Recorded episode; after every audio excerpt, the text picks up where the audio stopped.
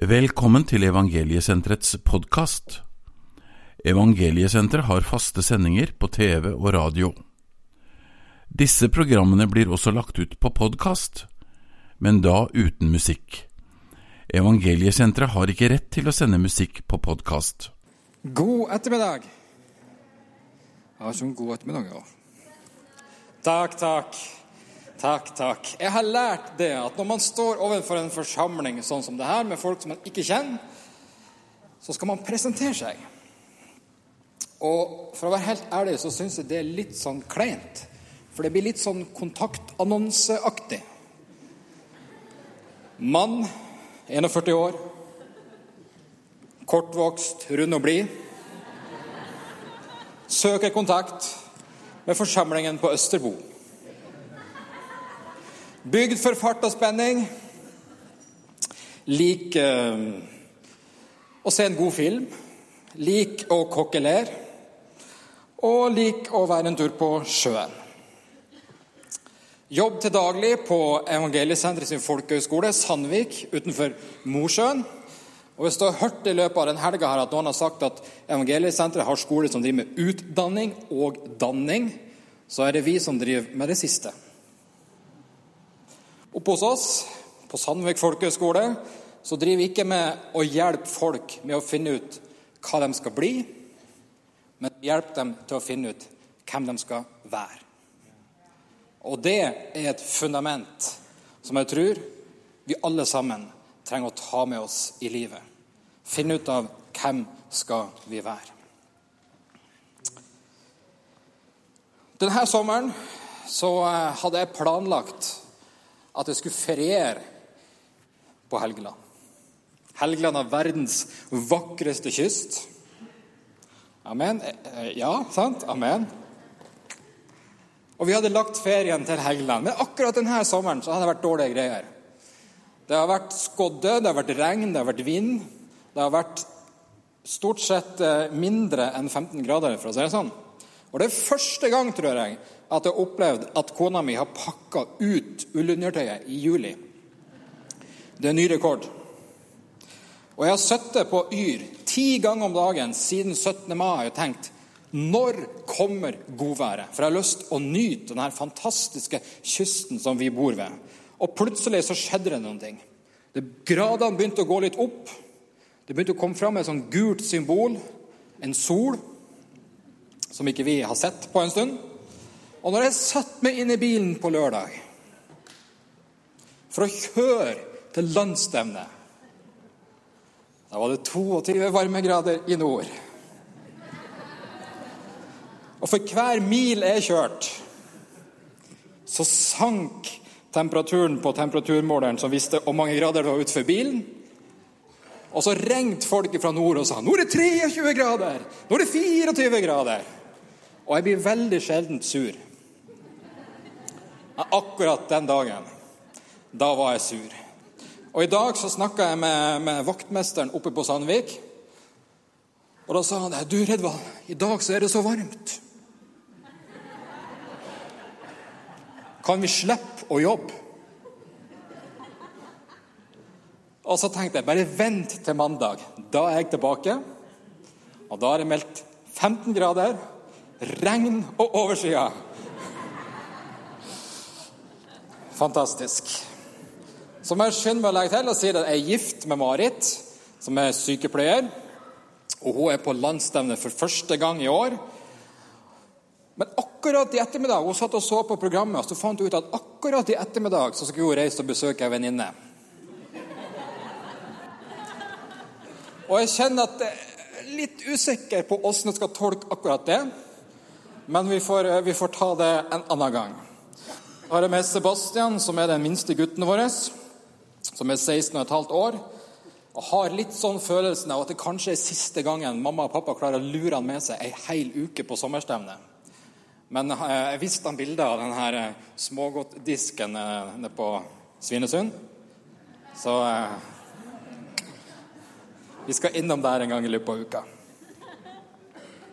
Så har jeg en gutt til som er 19 år, og som ikke er med oss hit, men han er ute og reiser Han har vært på seks uker på rad nå. Han har vært på sånne her sommerstevner og stått på stand for skoler som faren jobber på.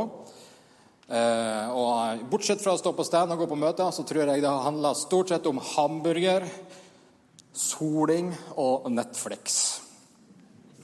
Så det er hans sommer. Og da har du, liksom, da har du familien vår. 15. mai 1990 så var det et foreldrepar i USA, Jeff og Sabine Wallas, som fikk en etterlengta sønn i staten Georgia. Med foreldre som begge to var engasjert i og interessert i sport, så ble det også sånn at denne gutten rimelig kjapt eh, begynte å bli interessert i sport, og det var løping som var hans greie. Han har sjøl sagt at det å, å, være med i løp og det å jogge og sprenge og sånn, det er noen ting som han ikke kan unngå å gjøre. Det ligger i blodet hans. Og Han begynte tidlig å vinne løp. Tidlig så utmerka han seg. Og Han kom opp på et nivå hvor han veldig raskt ble nummer én blant alle løperne i sin aldersklasse i staten Georgia. En søndag i 2008 så kom han hjem etter å ha vært på gudstjeneste i den kirka som de brukte å gå i. Det var en sånn flott vårdag. Sola skinte. Og det er en sånn dag hvor alle de som driver med løping og sykling og sånt, kler på seg tights, drar på seg T-skjorta og drar ut og trener der hvor mest mulig folk kan se dem. Og Det gjorde også han. Han la av gårde i solskinnet. Men han har ikke sprunget så langt for han kjente det at den høyre leggen hans verka og ond. Og han hadde over litt tid hatt ondt og hatt ubehag i denne leggen. Og denne dagen så kjente han at den bar han ikke lenger. Så han stoppa opp, og så gikk han hjem igjen. Kom inn på rommet sitt frustrert og fortvila. Tok ei pute som lå på sofaen, og kasta den i veggen på en plakat hvor det står 'Livet er godt'. Han var syk. Denne smerten som han hadde i, eh, i leggen sin, den ble sterkere og sterkere. Og de musklene som han hadde i leggen, de ble svakere og svakere. Han hadde noe som heter compartments syndrom, som sørger for at muskulatur og vev sakte svinner bort. Han gjennomgikk flere operasjoner hvor målet var å bytte ut kroppen sine eget vev med nytt vev som besto av karbonfiber. Men dessverre så mislyktes den aller første operasjonen. Og Det førte til en rekke komplikasjoner som gjorde at i en alder av 18 år som satt han der med en fot som hadde muskulatur som hos en 80-åring. Han kunne ikke lenger være med i et eneste løp. Han ble bitter på mennesker og på Gud.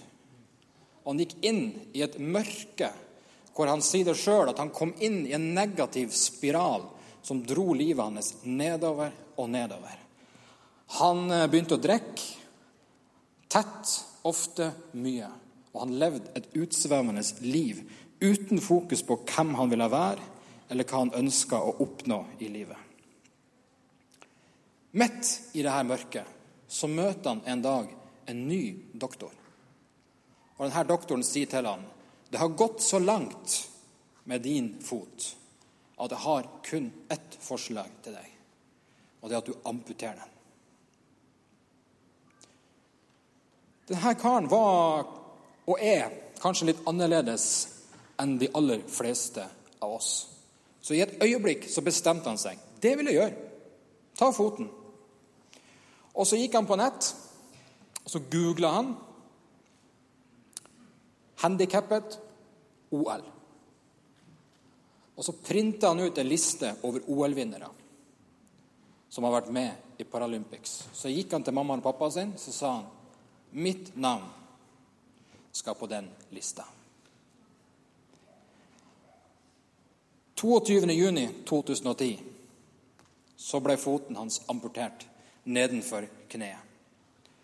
Han var så vidt kommet seg ut av sykesenga, så begynte han å trene. Og 15 måneder senere så gjør han comeback i en konkurranse på høyt nivå og vinner gullmedalje i noe som heter Parapan i Mexico. Ett år senere så ble han valgt ut til å representere Amerika i Paralympics i OL. Og han har senere tatt verdensrekord på både 100 meter og 200 meter i Paralympics. Hver eneste gang han løper et løp, så gir han Gud æren for alt godt som har skjedd i livet hans. En som lå helt nede. En som på mange måter kunne ha rettferdiggjort at han var bitter, at han var sint på både mennesker og Gud. Han røyste seg igjen. Han kom tilbake, og han gjorde et fantastisk comeback.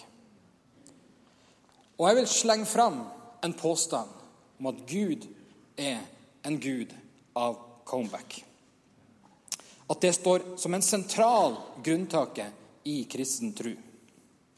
Og at Bibelen er full av eksempler på at for oss, når vi alt går gærent og vi ligger helt nede, så er det mulig å komme tilbake igjen. Moses, som drepte en egypter, men ble kalt av Gud. Josef, som gikk ifra å være slave til å bli faraos nærmeste. Samson, som mista all sin kraft på grunn av ei kvinne, men som fikk den tilbake igjen, og i møte med døden utretta mer enn han har gjort gjennom et helt liv. Lasarus, som kom ut av grava. Jesus, som døde og sto opp igjen og lever i dag. Peter, som gikk igjennom vannet, men som fikk lov å etterpå oppleve å gå på vannet sammen med Jesus.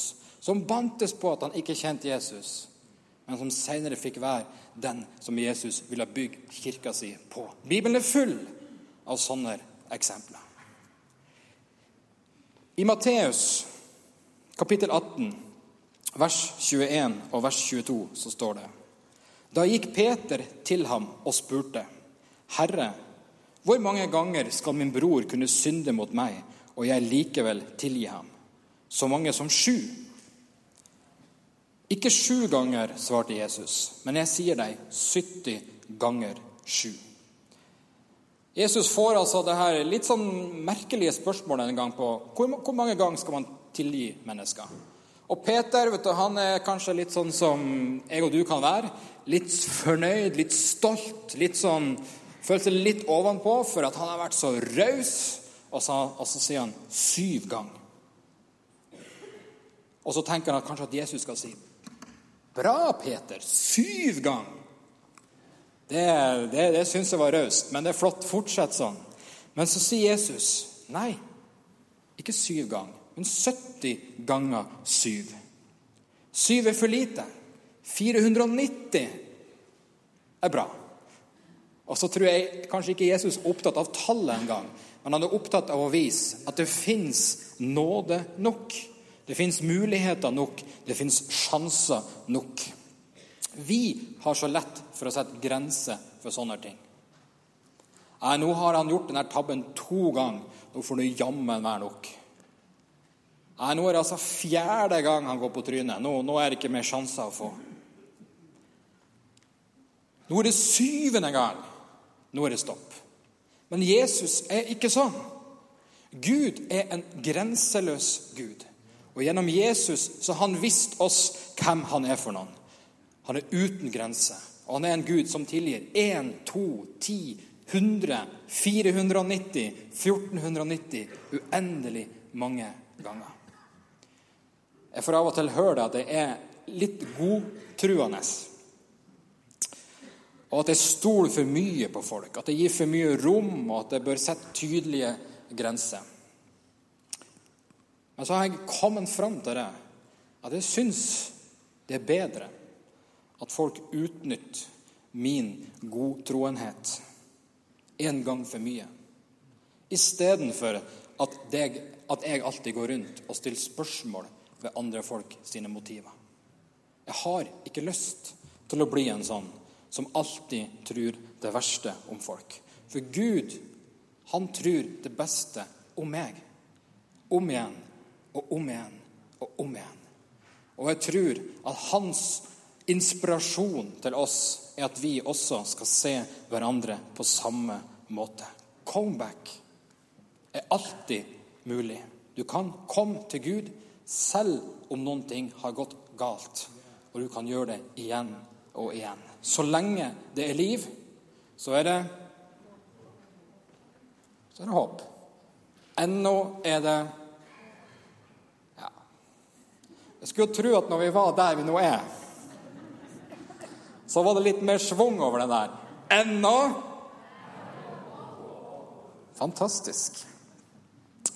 For noen år siden så fikk jeg en betennelse i et tann. Og langt oppå et fjell, i ei hytte, i en snøstorm, i lag med noen andre folk, så var det umulig å få hjelp.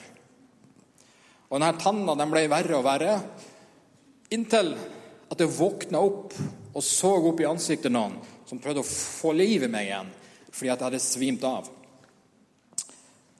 Og så snart som liksom denne snøstormen var blitt litt bedre, og sånn, og vi kunne komme oss ned av dette fjellet, så booka jeg en time hos en tannlege. og Han, satt ei sprøyte og proppa meg med tabletter, og sånn, sånn at det liksom i halsørka kommer på et fly og hjem til Helgeland. Fantastisk. Verdens vakreste kyst. Oh yeah. Og Der fikk jeg time hos tannlege Morten Stokke. og han han eh, så på tanna mi, og han ga meg antibiotika, og han liksom styra inni der sånn. Og, og til slutt så trekte han tanna mi. Og så tenkte jeg ja, ja, det var det. Ferdig med den tanna. Og, og det, var så, det, var greit. Dyrt var det, og sånn, så det var egentlig greit å bli ferdig med det. Men etter den tid, én gang i året, så får jeg brev fra tannlege Morten Stokke. Nå er det på tide å komme inn, så, kan, så vi kan se på tennene dine igjen. Og Så driver de og styrer inni der og sånn, og, og spyr med sånn saltvann og greier. Og, og, Det er sikkert kjempebra. Og i hvert fall så har ikke jeg behøvd å trekke flere tenner. Så noen ting må det jo være godt for. Han har et system som sørger for at med jevne mellomrom så ble jeg oppsøkt av hans kontor og invitert hjem til han for en service, så tror jeg at Gud har et sånn system. Noen tidspunkt i livet mitt og i livet ditt hvor det kommer et tydelig kall ifra Gud om at nå er tida inne for et spesielt møte mellom deg og han. I Lukas 19 og i vers 41 så står det at da Jesus kom nærmere og så byen, gråt han over den og sa:" Hadde du bare på denne dagen forstått du også hva som tjener til fred. Men nå er det skjult for dine øyne. Det skal komme dager over deg da dine fiender kaster en vold opp omkring deg, omringer deg og trenger inn på deg fra alle kanter. De skal slå deg og dine innbyggere til jorden og det skal ikke bli stein tilbake på stein i deg, fordi du ikke forsto at tiden var kommet da Herren gjestet deg. Og I denne alvorlige teksten så gråt Jesus. Ikke bare over ett menneske, men over en by og et samfunn som ikke hadde forstått at den tida var kommet hvor Gud besøkte dem. Det fins flere fortellinger i Bibelen som peker på noen av det samme. At det fins spesielle tider hvor Gud på en særlig måte besøker meg og deg.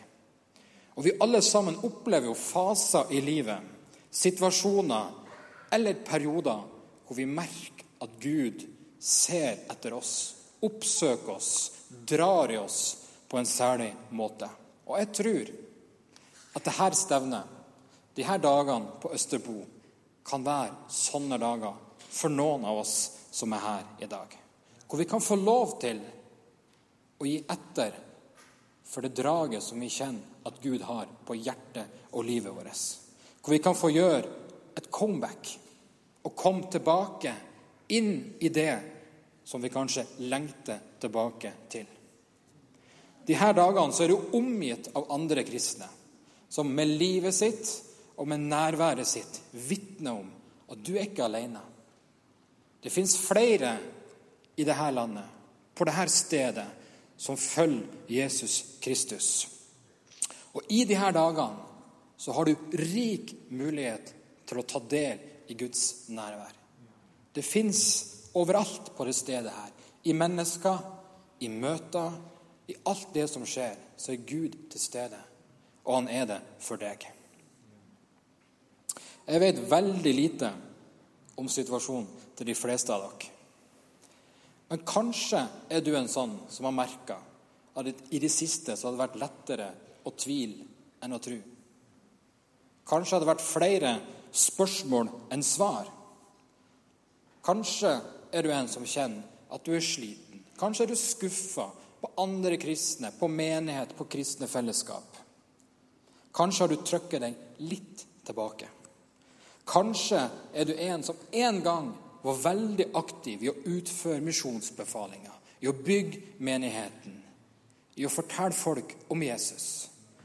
Men i dag så kommer du bare når det passer.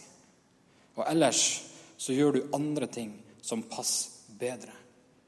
Og Uansett hva din situasjon er, så tror jeg at alle som er der, at de er på en annen plass enn hvor Gud ønsker å ha dem.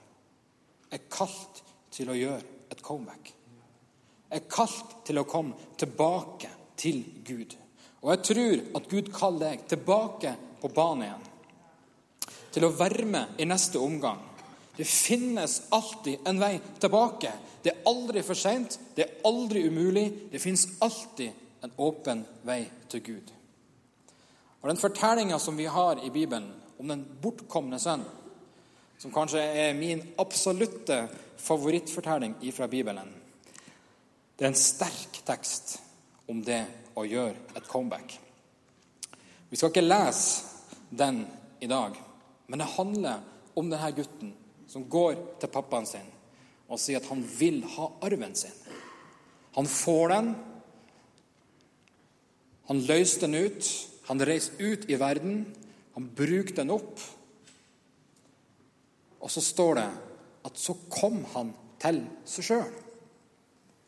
Og så erkjenner han at han har gjort noe som han ikke skulle ha gjort. Og så kommer han til det punktet at han går tilbake til den gården som han kom ifra.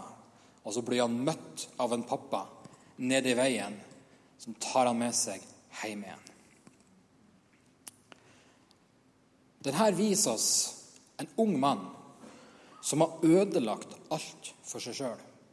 Og Det som er litt sånn alvorlig med denne fortellinga, er at denne sønnen han mente alt som han gjorde. Det var ingen tilfeldighet. Det var ikke ugjennomtenkt. Han ønska faren sine penger sterkere og mer enn han ønska pappaen sin. Å ta arven og reise av sted. Det var et endelig farvel med barndomshjemmet og med pappa. Og det var en utrydning av alle bånd og en brenning av alle bruer som fantes imellom dem. Det var et definitivt og endelig farvel. Og det er her vi igjen forstår at det fins en vei tilbake til Gud uansett. Uansett hvor ille det ser ut, uansett hvor likegyldige vi er, så ser vi på Jesus og gjennom Jesus at det fins en vei tilbake. Da denne gutten hadde nådd buen, så bestemte han seg for å dra tilbake. Og Det første som skjer, det er at han erkjenner sin situasjon. Og han sier til faren sin at 'jeg har gjort urett'. Og Det er første steget på vei imot et comeback Å sette ord på situasjonen som jeg og du står i, overfor oss sjøl og overfor Gud. Denne gutten han ser sin situasjon, og han kommer til seg sjøl. Og han kunne ha bortforklart det her med eh, Jeg rota meg bort i noen dårlige folk, og jeg var litt uheldig med markedet og pengeplasseringen, og det var forbigående uflaks. Og han kunne skyldt på alt det som skjedde rundt ham. Men han tok ansvar, og så sa han, 'Jeg har gjort urett'. Og det andre som skjer, det er at det formes en tanke i hodet og hjertet. Det finnes en vei tilbake. Og så setter han seg i bevegelse imot det huset som han kom ifra.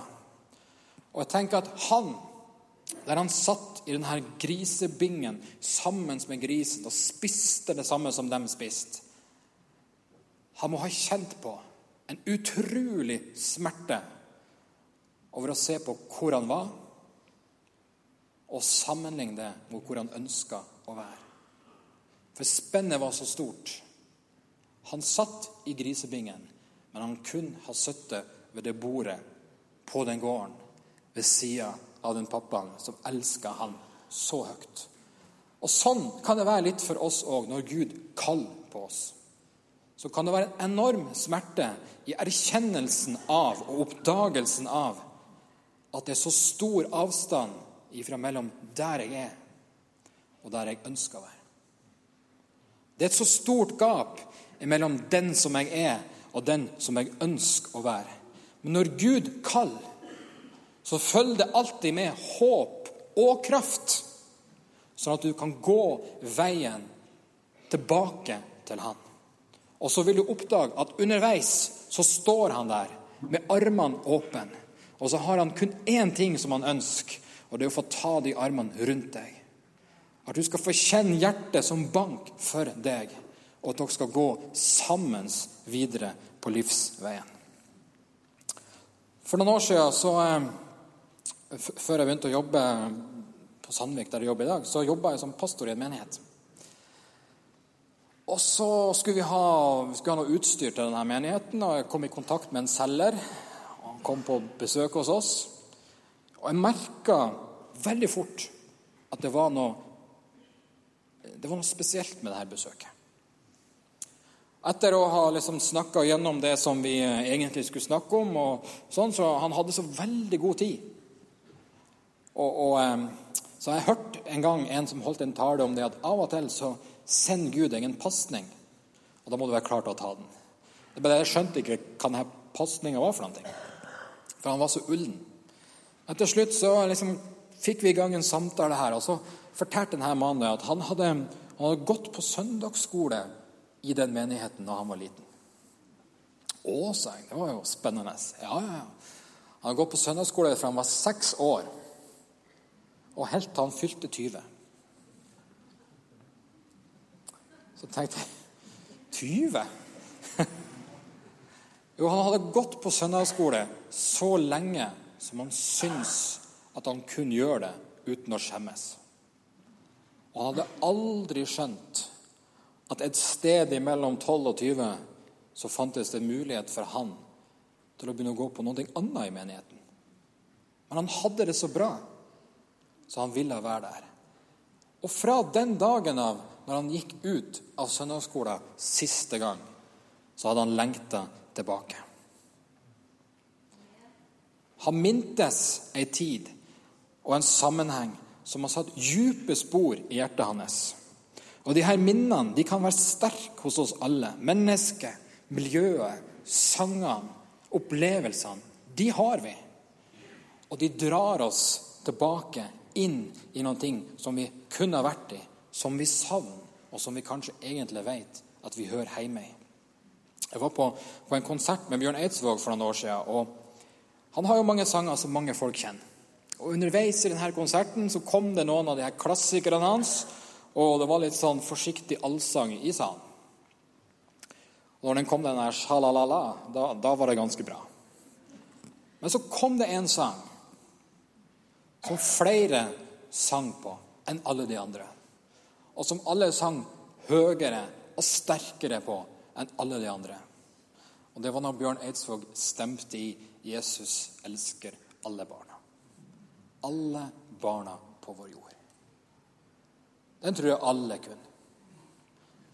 Og jeg tror at det er fordi at det sitter så mange folk rundt i dette landet som har fått vært en del av et kristent fellesskap. Som har fått smakt på hvem Jesus er. Som kanskje har fått ei tru som de har tatt med seg gjennom livet men som aldri har latt den trua få en konsekvens for det å engasjere seg i et kristent fellesskap. Som ikke har fått muligheten til å leve ut den trua sånn som de kanskje egentlig er kalt til å gjøre. Når denne sønnen kommer hjem, så møtes han av denne åpne favna. Ikke hjemme, men lenge før. Faren løp han i møte, og så gikk de sammen hjem. Sånn tar Gud imot deg når du er klar for et comeback. Han sitter ikke passivt med armene i kors og venter til du har kommet fram til han og tar deg i nåde. Men han sprenger deg i møte der hvor du er. Og så går han veien sammen med deg, uten betingelser og uten krav, men med et liv og et hjerte som elsker deg. C.S. Lewis har sagt noen ting om at Gud hvisker til oss i vår glede. Han tar til oss i vår samvittighet, og så roper han til oss i vår sorg. Før eller senere så kommer Gud med et kall til alle mennesker. For noen av oss så kan det være som hvisking, for noen av oss så kommer det som et rop. Men før eller senere så kommer Gud på et spesielt besøk i livet ditt og sier 'Nå, gutten min. Nå, jenta mi. Nå er tida inne for at du skal komme tett på meg'. Kanskje kjenner du det som en hvisking. Kanskje kjenner du det som et rop. Men uansett hvem du er, og uansett åssen Guds kall ser ut hos deg, så kommer det fordi at du er hans, og han er din. Og du har noen ting i hjertet ditt som tilsier at du hører hjemme hos Gud. Du trenger kontakt med din far. Når det fødes et barn, så er ikke det noe som slår ned som et sjokk hos den som føder barnet. Det har skjedd noe. Det har gått noen måneder. Det har vært en prosess som ender opp med at en dag så fødes det et nytt, fantastisk menneske skapt av Gud. Sånn er ofte vår vei til Gud òg. Du kan kjenne at det er noe som vokser fram i deg. Kanskje brytes det. Kanskje er det vanskelig. Kanskje kjenner du på den ene sida på savnet av å være sammen med Gud, men samtidig på hvor vanskelig det er å komme seg dit. Men hvis vi vil ta imot Guds kall, Guds invitasjon, Guds utstrakte hånd, Guds åpne favn, så må vi på et eller annet tidspunkt ta et valg og si at nå skjer det. Nå ønsker jeg å sette retning tilbake imot min far. Noen har en gang sett på seg sjøl som et gudsbarn, bekjent sin tro, kanskje vært en del i en kristen sammenheng, men har blitt benkesittere, havna bakpå.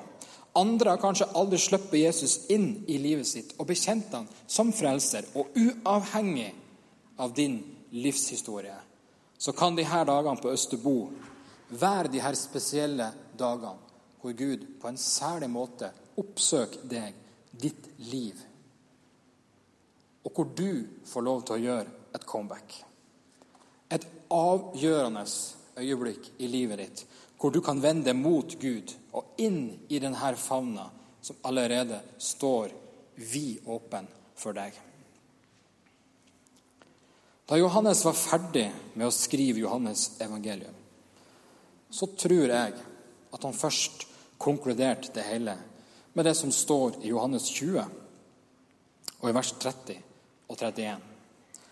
Der står det at Jesus gjorde også mange andre tegn for øynene på disiplene. Tegn som det ikke er skrevet om i denne boken. Men disse er skrevet ned for at dere skal tro at Jesus er Messias, Guds sønn, og for at dere ved troen skal ha liv i hans navn. Så ser jeg for meg at Johannes han, han, han tenker på det som han har skrevet. Det er jo en hel bok som beskriver Jesus og Jesus sitt liv og Jesus sin tjeneste. Og så legger han bort penna, så funderer han litt. Det her, det her er bra. Og så lukker han igjen boka, og så er han fornøyd med det som han har gjort. Men så er det akkurat som om Guds ånd kommer over Johannes. Og så blir han inspirert igjen. Og så starter han et nytt kapittel så skriver han ett kapittel til i boka si. Det er som om Gud sier til Johannes at siste ord er ikke skrevet. Du kan ikke stoppe nå. Det er ikke slutt. Det finnes mer. Og ennå i dag, i 2017, på Østerbo, i Haldens skoger, så skriver Jesus nye kapitler i livene våre. I livet mitt og i livet ditt. Og de begynner som regel på samme måte som Johannes kapittel 21, hvor det står at siden åpenbarte Jesus seg enda en gang. Jesus han vil åpenbare seg for deg i dag. Han vil ha deg tilbake, inn i en relasjon med ham.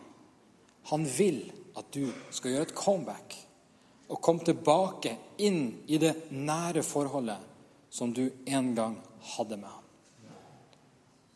Alle disse dagene er sånne dager hvor jeg tror at han for noen av oss på en særlig måte besøker oss, kaller oss, roper oss, drar på oss tilbake inn i det fellesskapet som vi er skapt for å ha sammen med vår far.